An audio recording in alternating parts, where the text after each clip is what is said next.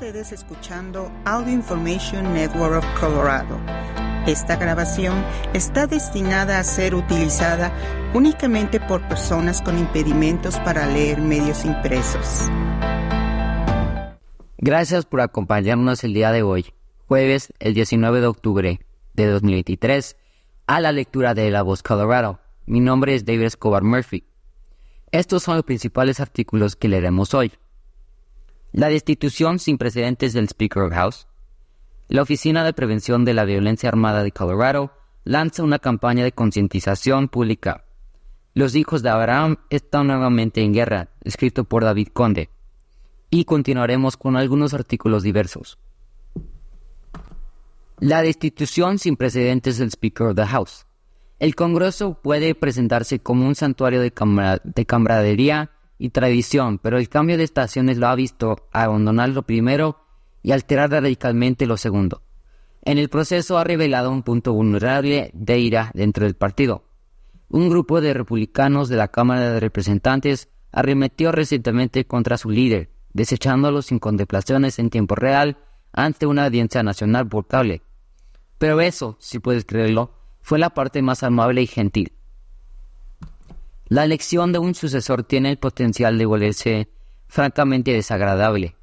Por primera vez en la historia, un Speaker of the House fue derrocado cuando ocho colegas de la Cámara, encabezados por el congresista de Florida, Matt Gates, iniciaron el proceso. El grupo no pudo aceptar una votación anterior para evitar un cierre del gobierno, cierre que se evitó con la ayuda de los demócratas. La columnista de Wall Street y ex redactora de discursos presidenciales, Peggy Noonan, comparó la medida para derrocar a McCarthy con una comedia de Hollywood mal interpretada. Es como si Julio César hubiera sido asesinado a puñaladas en el foro por los hermanos Marx.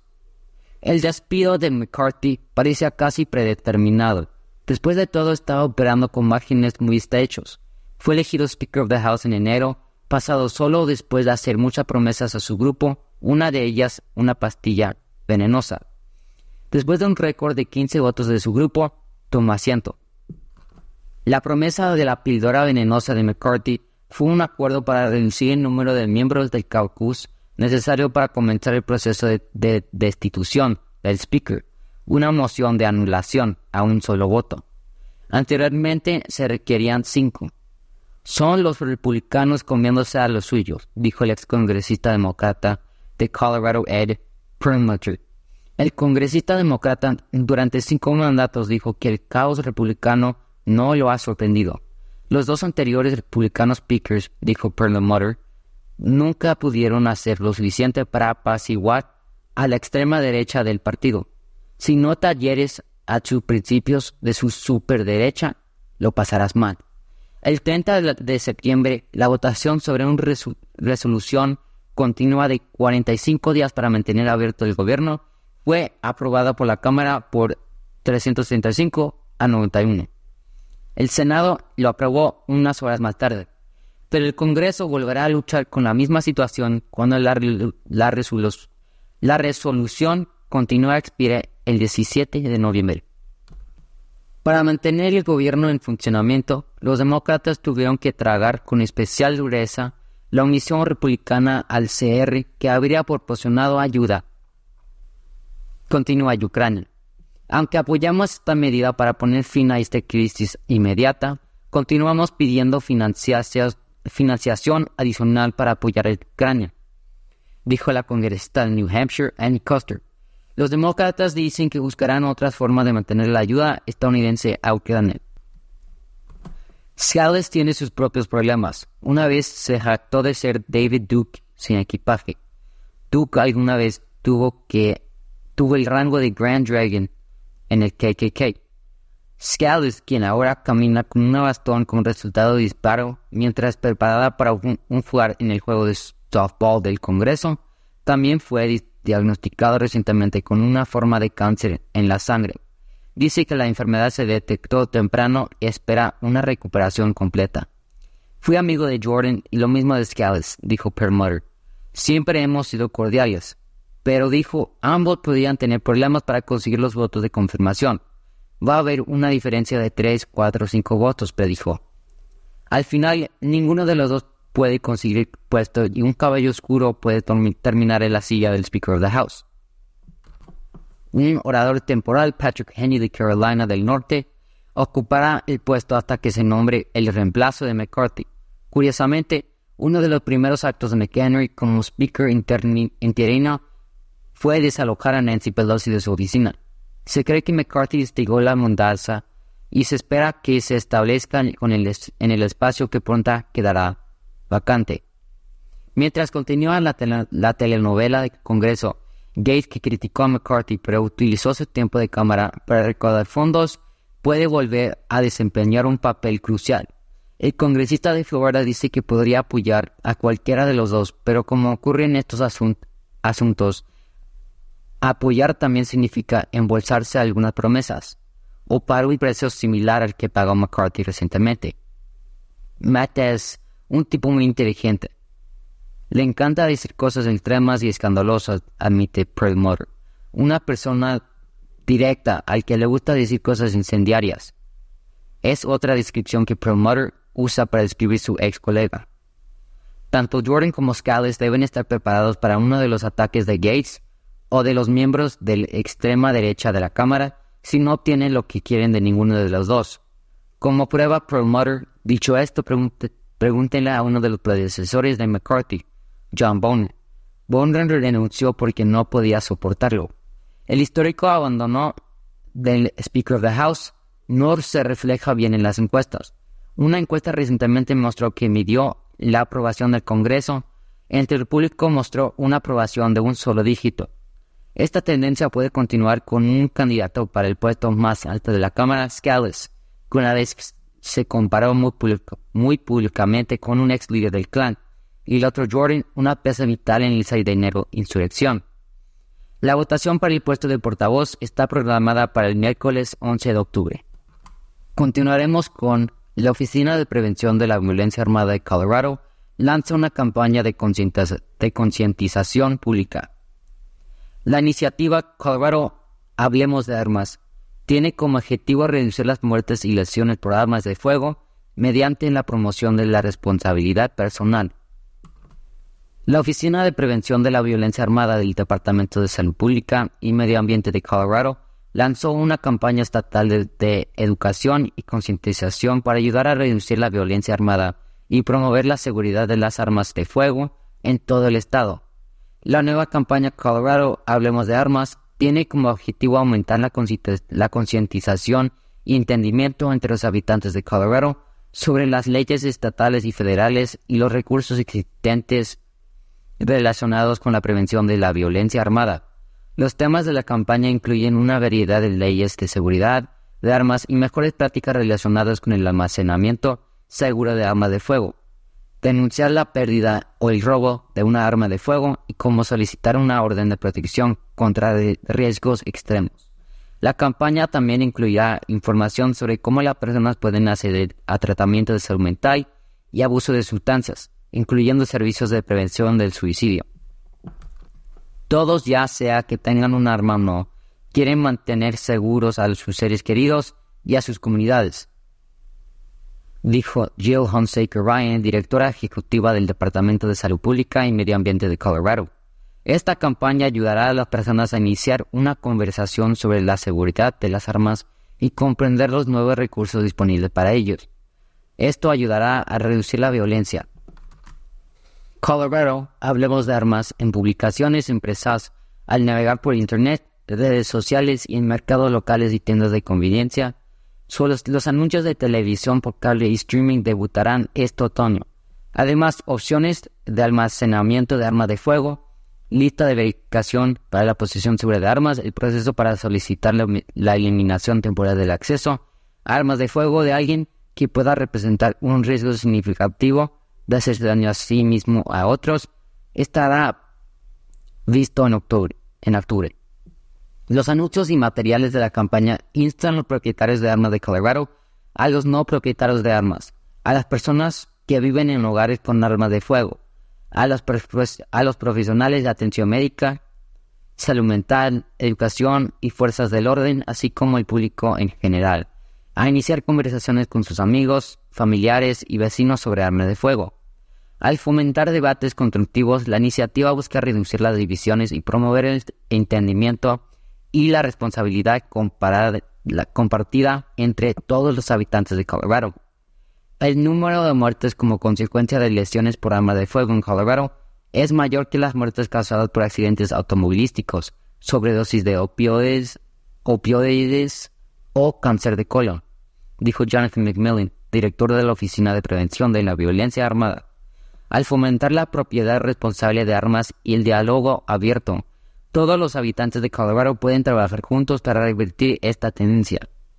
Es de gran ayuda el hablar más abiertamente sobre la seguridad de las armas y los problemas de salud mental. Según datos de estadísticas vitales del Departamento de Salud Pública y Medio Ambiente de Colorado, se presentaron 6.380 muertes por armas de fuego entre los residentes de Colorado entre 2016 y 2022. Entre esas muertes, 71.1, 72.1% fueron incidentes de autolesión intencional o suicidios. 23.7% fueron agresiones o homicidios el 2.6% se debieron a la intervención judicial, el 0.9% fueron no intencionales y el 0.7% se debieron a alguna forma indeterminada. Para obtener más información sobre la campaña Colorado Hablemos de Armas, visite www.coloradohablemosdearmas.com. Seguiremos con Los hijos de Abraham están nuevamente en guerra. Los hijos de Abraham están nuevamente en guerra. El odio entre árabes, palestinos y judíos causado por el difícil problema de vivir en la misma tierra ha vuelto a desbordarse hasta el punto de convertir a Tierra Santa en una zona de matanza. De matanza. Abraham es el padre de tres grandes religiones, ya que las tradiciones judía, árabe y cristiana lo identifican como el progenitor de la fórmula de un solo Dios que unificó sus sistemas de creencias. Abraham es también progenitor de una descendencia familiar que se caracteriza por una dualidad encarnada en sus dos hijos Ismael e Isaac. Esta dualidad se ha comportado de manera muy parecida a la ruptura de la integridad original de la humanidad, de la humanidad en dos partes que constituyen la base para la construcción de todas las civilizaciones. La paradoja que utilizamos para lograr perspectiva y orden proviene de esa unidad original que se rompió y con el tiempo se convirtió en opuestos. La misma clase de situación aconteció a los hijos de Abraham. En este caso, sin embargo, hay un ingrediente añadido que ha sido fuerte y fuente de controversia a lo largo de los cuatro mil años transcurridos desde que Abraham hizo su aparición. Las escrituras dicen que Abraham y Sara, su esposa, no podían tener hijos y por eso eligieron que Abraham tuviera un hijo con Agar, su esclava egipcia. El hijo de Abraham con Agar fue Ismael. De hecho, Ismael era el primer hijo y estaba en la línea de tener los derechos y privilegios exclusivos que se otorgarían al primogénito. Pero entonces Sara finalmente quedó embarazada y tuvo a Isaac, un evento que creó complicaciones en el lugar. La Biblia dice que Dios se involucró y eligió a Isaac como padre de su pueblo escogido. Como resultado, Agar y su hijo fueron desertados en el, desierto y se llevaron consigo la promesa de Dios, Ismael también sería padre de una gran nación. Esa decisión, sin embargo, rompió la unidad de, la familia de Abraham en dos partes y provocó un distanciamiento hasta el punto de que las dos culturas no pueden verse viviendo juntas en el mismo espacio. Además de eso, en 1948, los aliados de la Segunda Guerra Mundial ayudaron a establecer el Estado de Israel en Palestina como una patria judía. A lo largo de los años se ha trabajado mucho para unir a las dos partes bajo una variedad de fórmulas diseñadas para traer paz y prosperidad a la región. Sin embargo, establecer el orden de esa zona conflictiva ha sido un objetivo difícil de alcanzar, ya que ambas partes quieren el mismo territorio para sí. El ataque a Israel por parte de Hamas y otros en uno de los fines de la semana, santos judíos repite el ciclo de violencia. Ese ha sido un tema recurrente durante 75 años. Para Israel, ir a la guerra parece ser la única opción porque hay que prestar mucha atención a la geografía, el tamaño de su territorio nacional y las intenciones de, otros enemigos potenciales en la región. Como en el pasado, Estados Unidos está obligando a apoyar la defensa de Israel en este momento crítico. Eso no debería significar que miremos hacia otro lado cuando se trata de, la difícil situación del pueblo palestino. Pero al igual que con Ucrania, es necesario hacer el máximo esfuerzo para apoyar la existencia de Israel y tratar de rescatar a los régenes, entre los que parece haber estadounidenses. Es irónico que la tierra de leche y miel sea un campo de exterminio implacable. Se puede decir que los agravios que lo crearon se remontan a mucho tiempo atrás. Los hijos de Abraham están nuevamente en guerra. Esa no es una solución. Terminaremos con Flora Archuleta, la salvavidas de inmigración del Valle de San Luis. Las palabras de la escritora Emma Lazarus al pie de la Estatua de la Libertad durante mucho tiempo fueron significativas y emblemáticas de una nación. Dame tus masas cansadas, pobres, apiñadas, que anhelan respirar libres.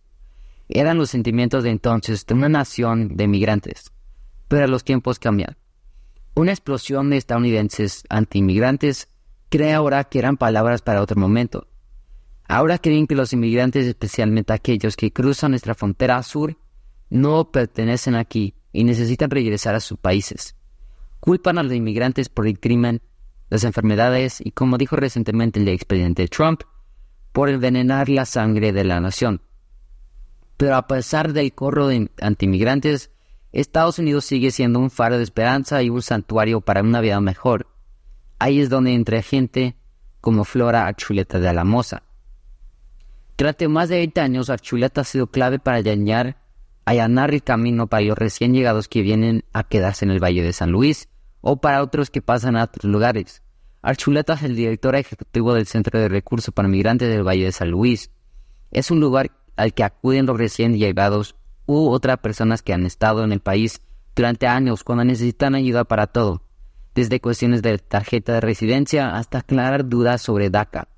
Es rápido, fácil y quizás lo más importante, asequible. No cobramos lo que podría cobrar un abogado, dijo Archuleta en una llamada telefónica recientemente.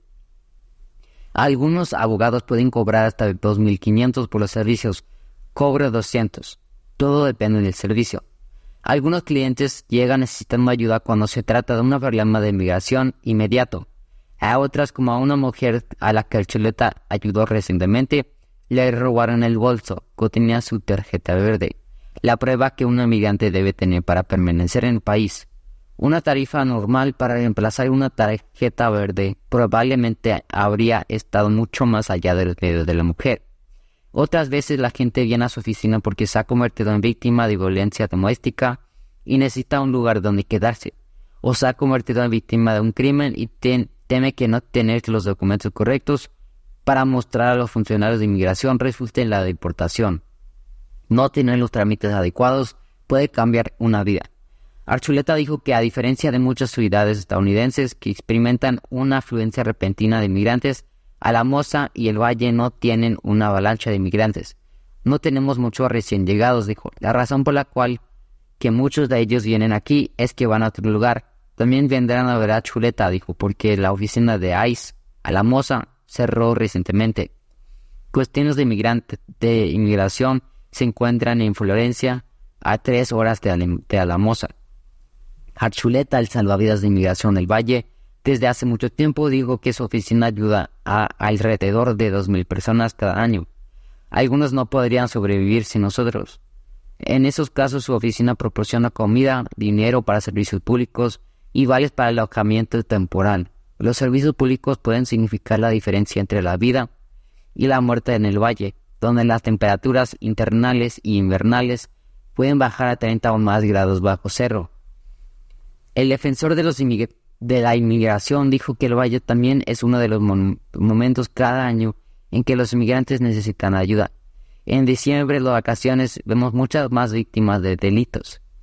debido a que, como dice Archuleta, la población inmigrante en Alamosa y sus alrededores es principalmente estática.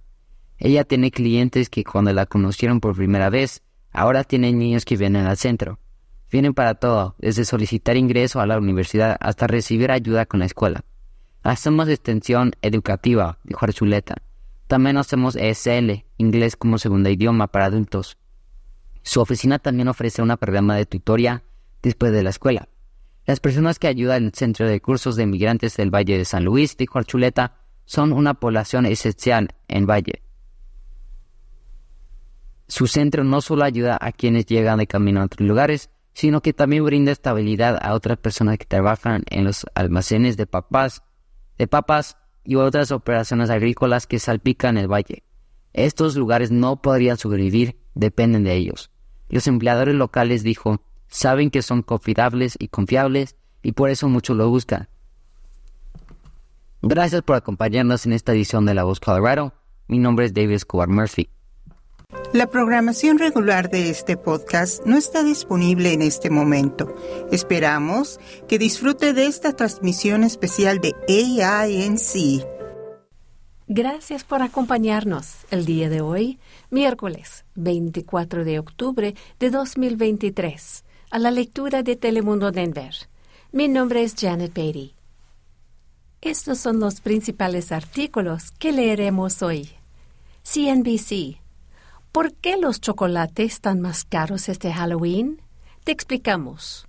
Por Rebecca Picciotto, CNBC.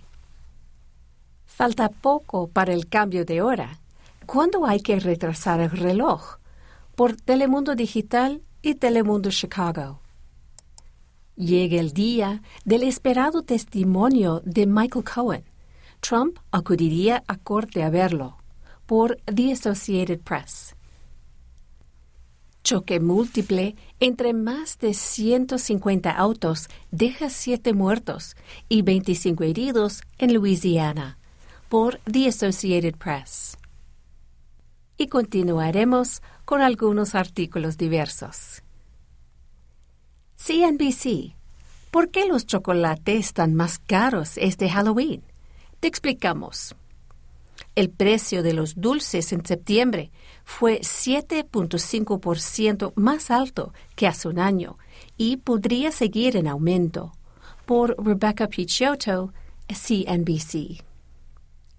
El cacao, un ingrediente vital para el chocolate, es más caro de lo que ha sido en décadas ya que los patrones climáticos más cálidos y secos obstaculizan el crecimiento de la cosecha de granos de cacao.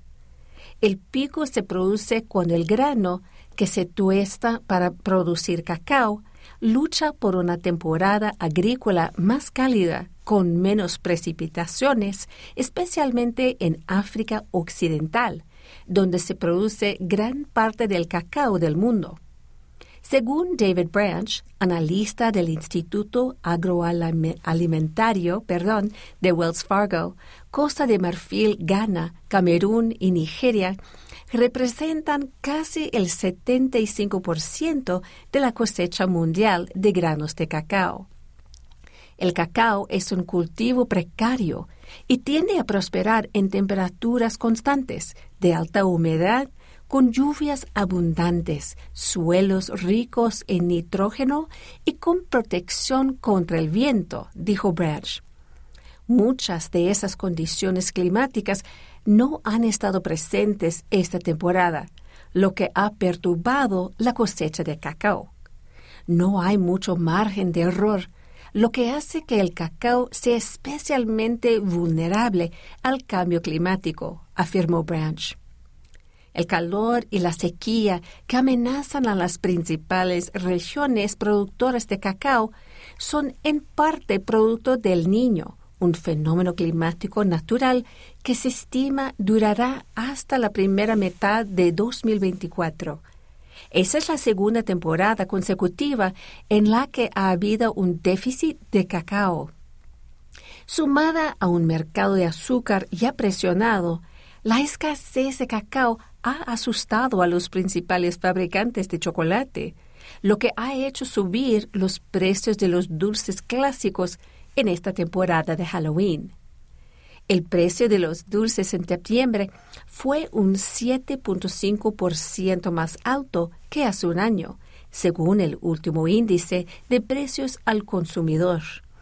Una encuesta de 2023 realizada por la Federación Nacional de Minoristas encontró que los consumidores probablemente gastarán 3.600 millones de dólares en dulces este Halloween, frente a 3.100 millones de dólares en 2022.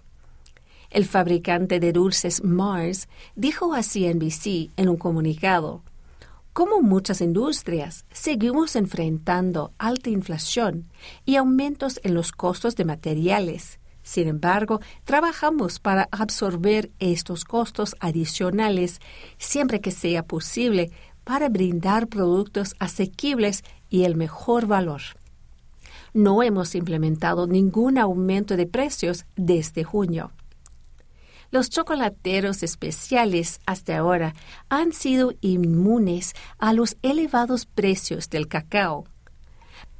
Greg D'Alessandre que lidera el abastecimiento de chocolate para la marca especializada Dandelion Chocolate, dijo que sus precios están protegidos de la volatilidad en toda la industria porque la compañía paga una prima por los proveedores de cacao de alta gama. Dandelion Chocolate paga casi 7 mil dólares por tonelada métrica de cacao, que es casi el doble del precio del producto básico. Pagamos buenos precios y las personas con las que trabajamos pagan buenos precios, por lo que incluso durante la escasez tienen acceso a los mejores granos, dijo D'Alessandre. Aún así, D'Alessandre dijo que Dandelion podría sentir los efectos dominó de la escasez del cacao en algún momento del próximo año, explicó que a veces un intermediario se aprovecha de la escasez de oferta de cacao comprando agricultores especializados y maximizando perdón, la producción en lugar de la calidad. Eso haría que a Dandelion le resultara más difícil y potencialmente más costoso conseguir sus granos premium. Una mala temporada de cultivo de cacao hace que el chocolate de Halloween no solo sea más caro, sino que a veces también lo hace más pequeño. En tus bolsas de Halloween solías tener un Kit Kat de tamaño completo.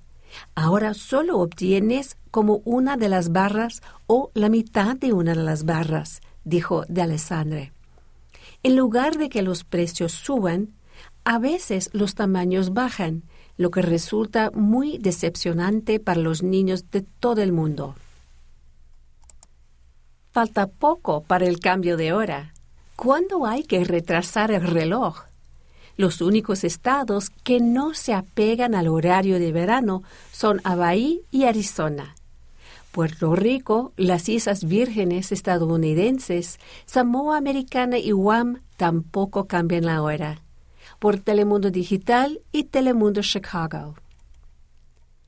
El horario de verano, conocido en inglés como Daylight Saving Time, está terminando y muchas personas en Estados Unidos podrán dormir una hora extra cuando retrasen sus relojes. Si bien todavía hay que cumplir con el mandato, muchos piden que se termine con el cambio de hora estacional y que se mantenga en un horario fijo todo el año. ¿Cuándo termina el horario de verano? De acuerdo a las condiciones de la Ley de Política Energética de 2005, un mandato federal, el horario de verano comienza el segundo domingo de marzo y concluye el primer domingo de noviembre. Este año, el primer domingo de noviembre es el 5 de noviembre, momento en que las personas podrán disfrutar de una hora extra al retrasar sus relojes. Los relojes deberán volver a adelantarse el 10 de marzo de 2024, cuando comience otra vez el horario de verano. Pero no siempre fue así. Los relojes solían adelantarse el primer domingo de abril y permanecían así hasta el último domingo de octubre.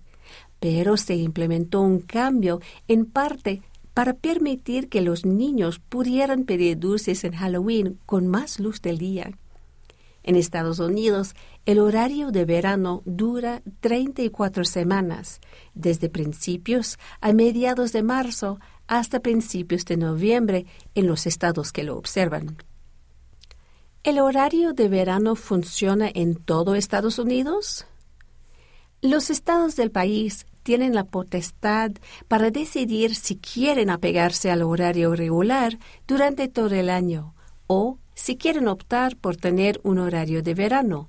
No hace falta el apoyo del Congreso Federal para este cambio. El horario de verano no se convirtió en estándar en Estados Unidos hasta la aprobación de la Ley de Hora Uniforme de 1966 que impuso la hora estándar en todo el país dentro de las zonas horarias establecidas. Declaró que los relojes avanzarían una hora a las 2 a.m. del último domingo de abril y retrocederían una hora a las 2 a.m. del último domingo de octubre. Lo que el Congreso sí hizo en la década de 1960 fue estipular cuándo comienza y cuándo termina el horario de verano en Estados Unidos. Los estados aún podrían eximirse del horario de verano siempre que todo el estado lo hiciera. Actualmente, dos estados mantienen sus horarios regulares durante todo el año, Hawaii y Arizona. Indiana no tenía horario de verano hasta el 2006, cuando cambiaron las leyes estatales. Puerto Rico, las Islas Vírgenes estadounidenses, Samoa Americana y Guam tampoco cambian la hora. ¿Cómo modificar los relojes cuando termina el horario de verano? Técnicamente, esto debe hacerse a las 2 a.m. del domingo 5 de noviembre de 2023, el momento, el momento perdón, oficial cuando termina el horario de verano. Los teléfonos inteligentes automáticamente actualizan sus horarios y muchas personas optan por hacer el cambio en los relojes de sus casas a la hora en que se despierten y no a las 2 a.m. Al modificar el horario una hora para atrás, las personas recuperan una hora. ¿Cuál es el propósito del cambio de hora? La finalidad es adecuar las horas de luz natural a la actividad cotidiana y tiene su origen en la primera crisis del petróleo. En la década de 1970, Debido al embargo de petróleo de 1973, el Congreso promulgó un periodo de prueba del horario de verano durante todo el año, desde enero de 1974 hasta abril de 1975, para conservar energía. Historia detrás del cambio de hora en Estados Unidos. La idea del aprovechamiento de la luz natural fue sugerida por primera vez en el siglo XVIII por el científico y diplomático estadounidense Benjamin Franklin. Su propuesta buscaba entonces reducir el consumo de velas. Franklin escribió en un ensayo de 1784 sobre cómo ahorrar velas y dijo Acostarse temprano y levantarse temprano hace que un hombre sea saludable, rico y sabio. Pero eso fue más una sátira que una consideración seria. También hay otra historia detrás del conocido como tiempo de ahorro de luz o Daylight Saving Time, DST por sus siglas en inglés. Se remonta al año 1905 cuando un inglés llamado William Willett se dio cuenta que muchos londinenses dormían durante las mañanas soleadas. Él hizo una campaña para conseguir el cambio de horario y estuvo en vigor hasta su muerte en 1915.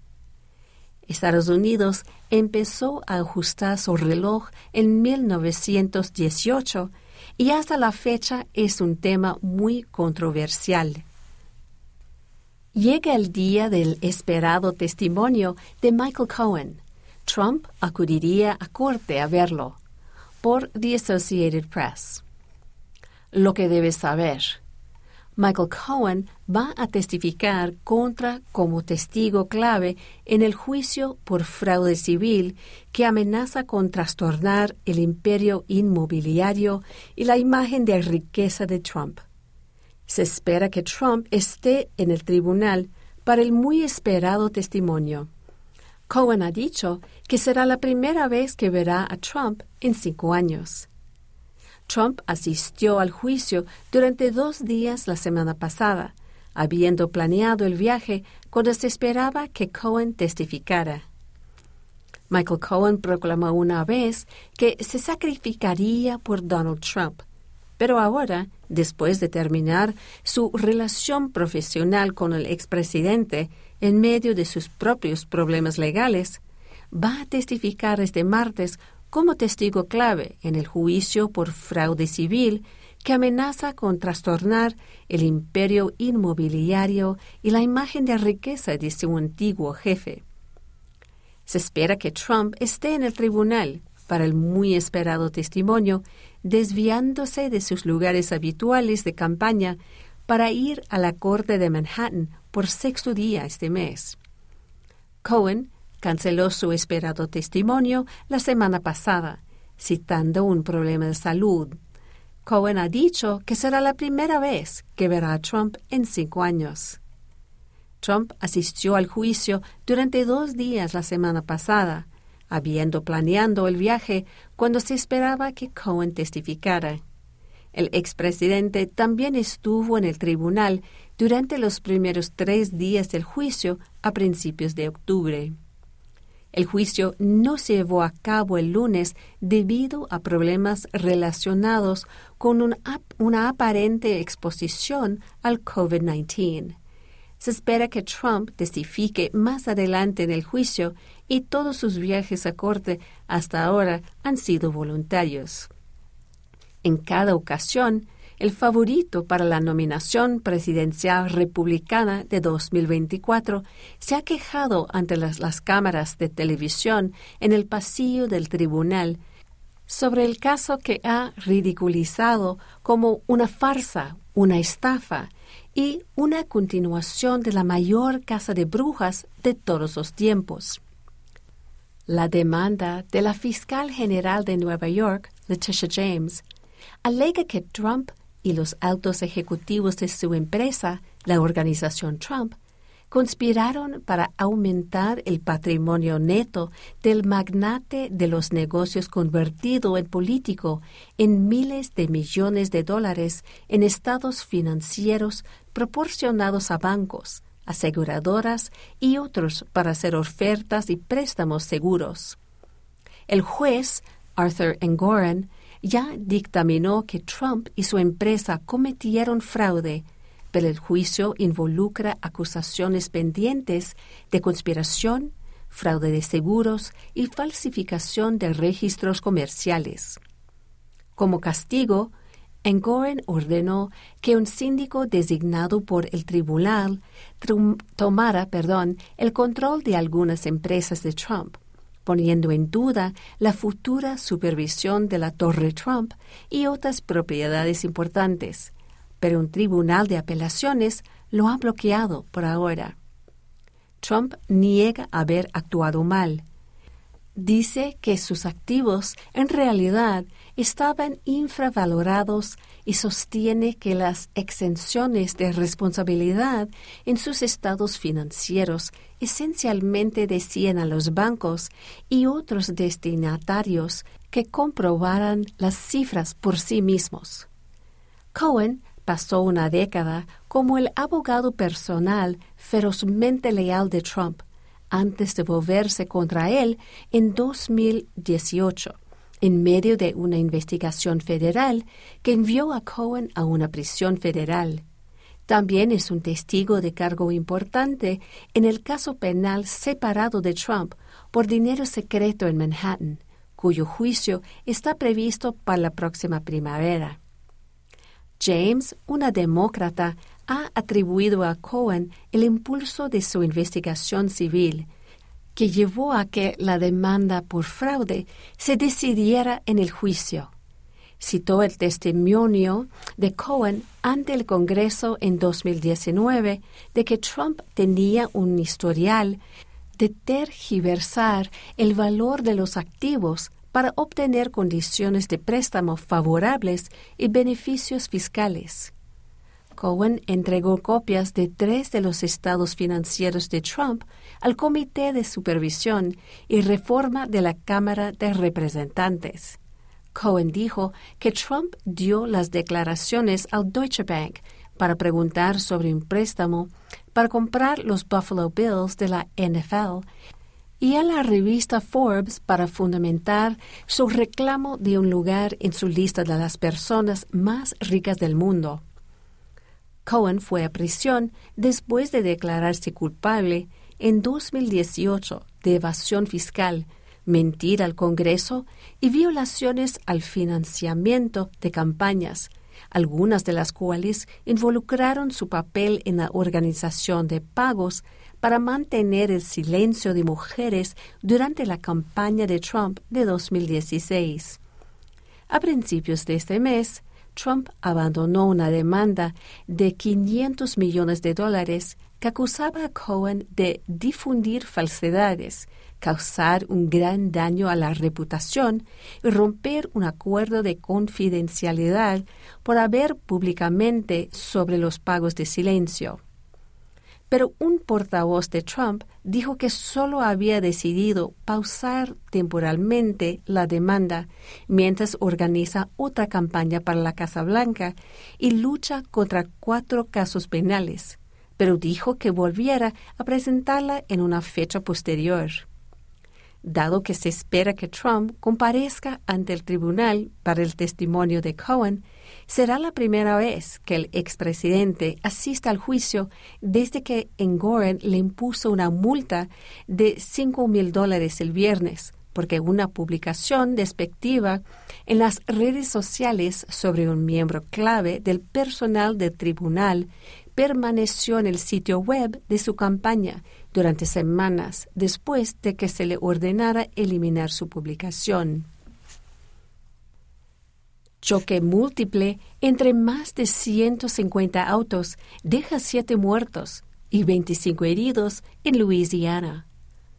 El humo de los incendios y la densa neblina causaron un choque múltiple en una autopista de Luisiana, por The Associated Press.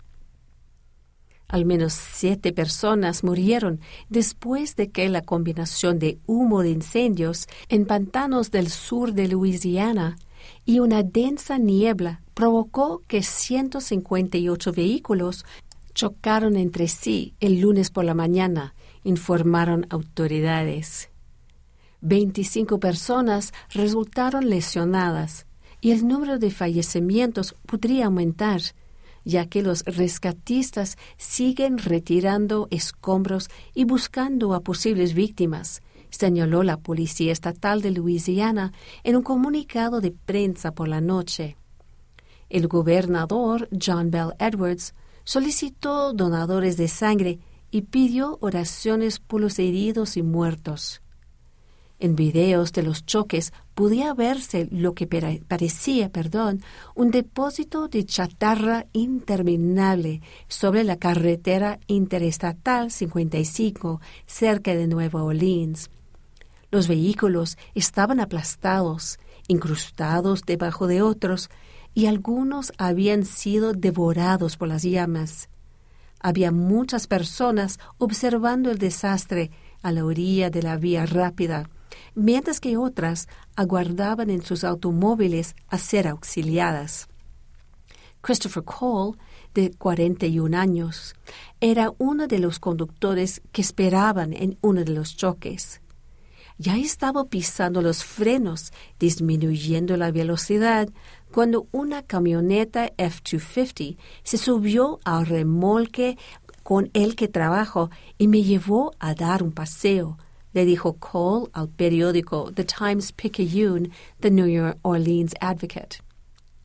Cole podía oler el humo mientras escuchaba a otros conductores gritar pidiendo ayuda y los sonidos de automóviles que chocaban y neumáticos que reventaban. Pudo abrir a patadas la puerta del lado del pasajero para escapar y luego ayudó a otras personas, incluida una que extrajo a través de una ventana de un auto. Se produjo un embotellamiento de kilómetros en ambas direcciones de la carretera interestatal 55. La falta de visibilidad también obligó a cerrar partes de la carretera I-10 y de la carretera elevada del lago Pontchartrain en ciertos momentos. Los republicanos nominan al congresista de Minnesota, Tom Emmer, a la presidencia de la Cámara Baja hasta que no haya un nuevo presidente de la Cámara de Representantes, no se pueden aprobar nuevas resoluciones o proyectos de ley. Por Telemundo Digital, IFI y Summer Concepción, NBC News. Washington, D.C. El Partido Republicano deliberó este martes y tras dos intentos fallidos, nominó al congresista de Minnesota, Tom Emmer, a la presidencia de la Cámara Baja de Estados Unidos, después de que el proceso causara una crisis sin precedentes dentro del mismo partido. Se realizó una votación interna a puerta cerrada para decidir qué candidato optaría de nuevo al puesto y se enfrentaría al actual líder de la minoría demócrata, Hakeem Jeffries, apoyado por toda su bancada. La contienda había quedado reducida a los congresistas Tom Emmer de Minnesota y Mike Johnson de Louisiana. Cada candidato presentó su candidatura con un discurso inicial seguido de un turno de preguntas y respuestas y de una declaración final. De los nueve legisladores que se postularon inicialmente, solo quedaron dos candidatos en la ronda de votación, resultado de la sorpresiva destitución el 3 de octubre del también republicano Kevin McCarthy, tras una moción en su contra presentada por el congresista Matt Gates, de esa misma formación. La presidencia interina está en manos del conservador Patrick McHenry, pero hasta que no haya un nuevo presidente, no se pueden aprobar nuevas resoluciones o proyectos de ley en un momento en que deben cerrarse los presupuestos del actual año fiscal y en que está pendiente autorizar más ayuda a Ucrania o a Israel. El nominado elegido tenía que obtener 216 votos en la Cámara para ser elegido, un reto clave para el partido. Hay solo 221 republicanos en la Cámara y las facciones conservadoras y moderadas estaban divididas sobre quién debería ser el líder. Emmer, el tercer republicano en liderazgo, anunció oficialmente su candidatura el sábado, un día después de comenzar a hacer llamadas. Rápidamente obtuvo el respaldo del derrocado presidente Kevin McCarthy, republicano por California. Si tenemos la oportunidad de ser su portavoz, usaremos esa misma cultura de trabajo en equipo, comunicación y respeto para aprovechar los momentos que nos trajeron éxito aprender de nuestros errores y seguir luchando por todos y cada uno de ustedes y nuestros mayoría republicana, escribió Emmer en una carta a sus colegas. Emmer, quien anteriormente fue presidente del Comité Nacional Republicano del Congreso, también prometió ser siempre honesto y directo con todos ustedes, incluso si no estamos de acuerdo los que salieron de la contienda. En un primer momento, el Partido Republicano eligió como aspirante a su actual número dos en la Cámara, Steve Scalise, pero este se retiró antes incluso de llevar la votación al pleno del hemiciclo, al constatar que no iba a tener los apoyos necesarios. El presidente del Comité Judicial de la Cámara Baja, Jim Jordan, le sucedió en esa nominación pero acabó abandonando esa ambición después de que el boicot interno de una veintena de sus compañeros de bancada le impidiera salir elegido. Este martes, los congresistas Dan Muser de Pennsylvania, Gary Palmer de Alabama, se retiraron antes de la ronda de votaciones y Pete Sessions de Texas, Jack Bergman de Michigan, Austin Scott de Georgia, Byron Donalds de Florida y Kevin Hearn de Oklahoma quedaron fuera de la contienda durante las rondas de votaciones. Anthony Blinken dice que 33 estadounidenses han sido asesinados en Israel el número de muertos por la guerra entre Israel y Hamas se ha disparado a más de 5.000 personas después de que los combatientes de Hamas lanzaron ataques sorpresa contra Israel. Por Telemundo Digital y NBC News. Washington, D.C. El secretario de Estado, Anthony Blinken, hablando ante el Consejo de Secretarios de las Naciones Unidas este martes, confirmó que 33 estadounidenses han sido asesinados en Israel en medio de la guerra del país con Hamas. El Departamento de Estado dijo anteriormente que 32 estadounidenses habían muerto y otros 11 estaban desaparecidos.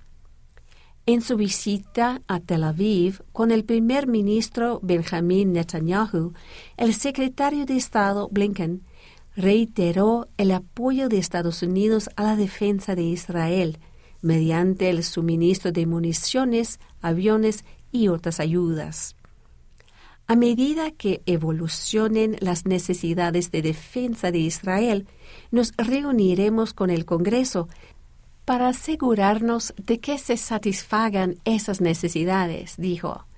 No hay excusa, no hay justificación para esas atrocidades este es y debe ser un momento para la claridad moral. Blinken condenó la pérdida de vidas inocentes.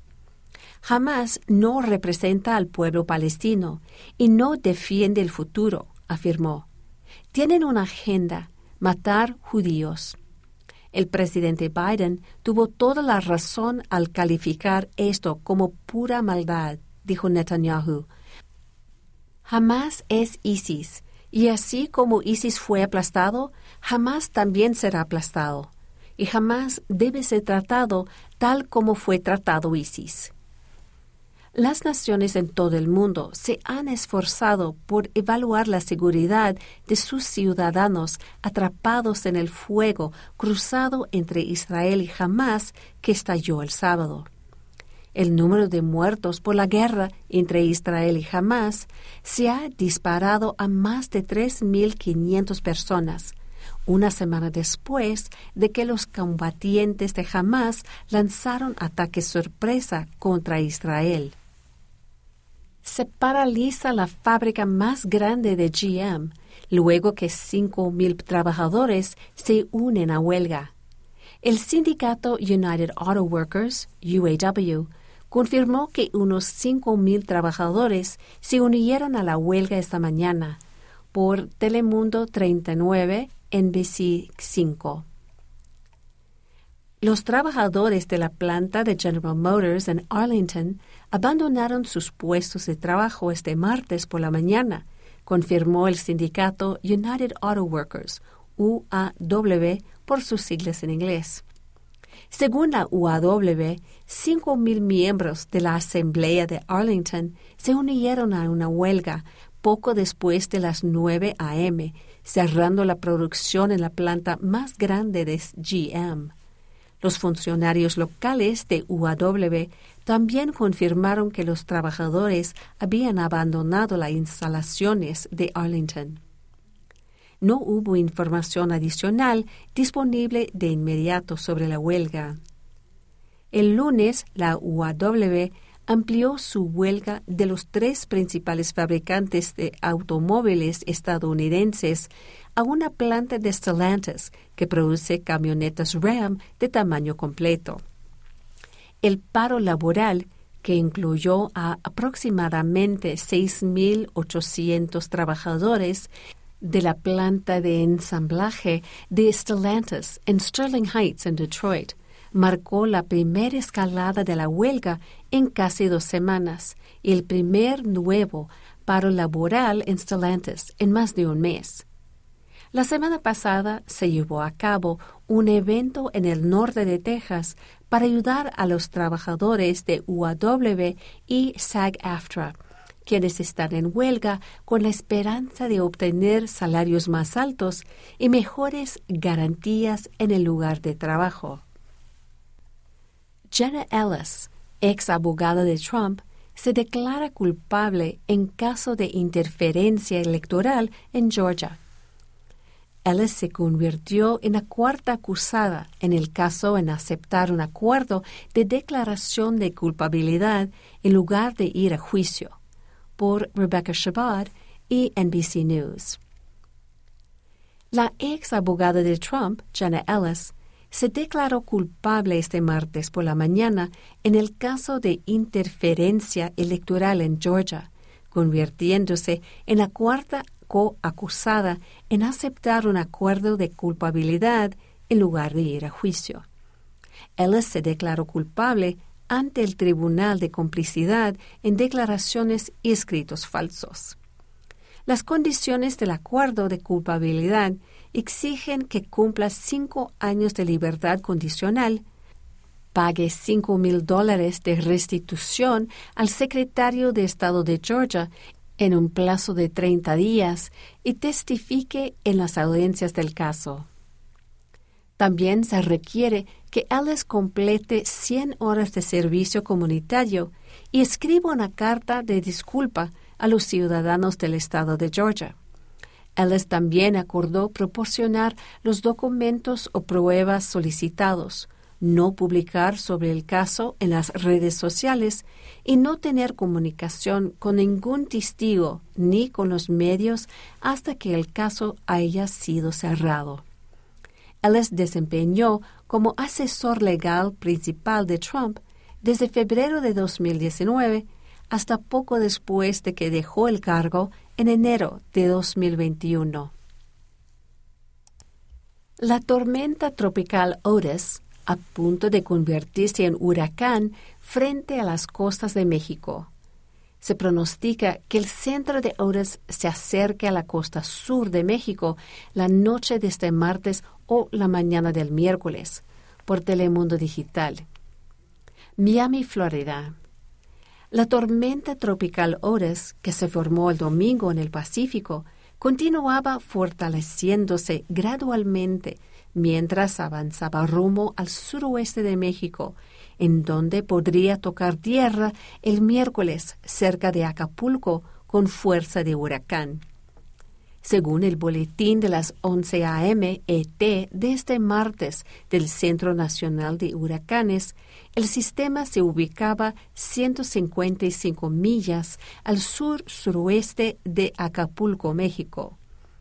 Otis registraba vientos máximos sostenidos de 70 millas por hora y avanzaba en dirección norte-noreste a una velocidad de 8 millas por hora le faltaban apenas 5 millas por hora para convertirse en huracán categoría 1. Se pronostica que el centro de Otis se acerque a la costa sur de México la noche de este martes o la mañana de miércoles. Se espera que Otis deje entre 5 y 10 pulgadas de lluvias, con un máximo de 15 pulgadas para sectores aislados en Guerrero y en la costa occidental de Oaxaca. Estas lluvias podrían causar inundaciones y deslaves, según el NHC. Además, el NHC pronostica peligrosas marejadas para la costa del suroeste de México a partir de este martes. avisos, avisos perdón, vigilancias y advertencias vigentes. Hay un aviso de huracán vigente desde Punta Maldonado hacia el oeste hasta Cihuatanejo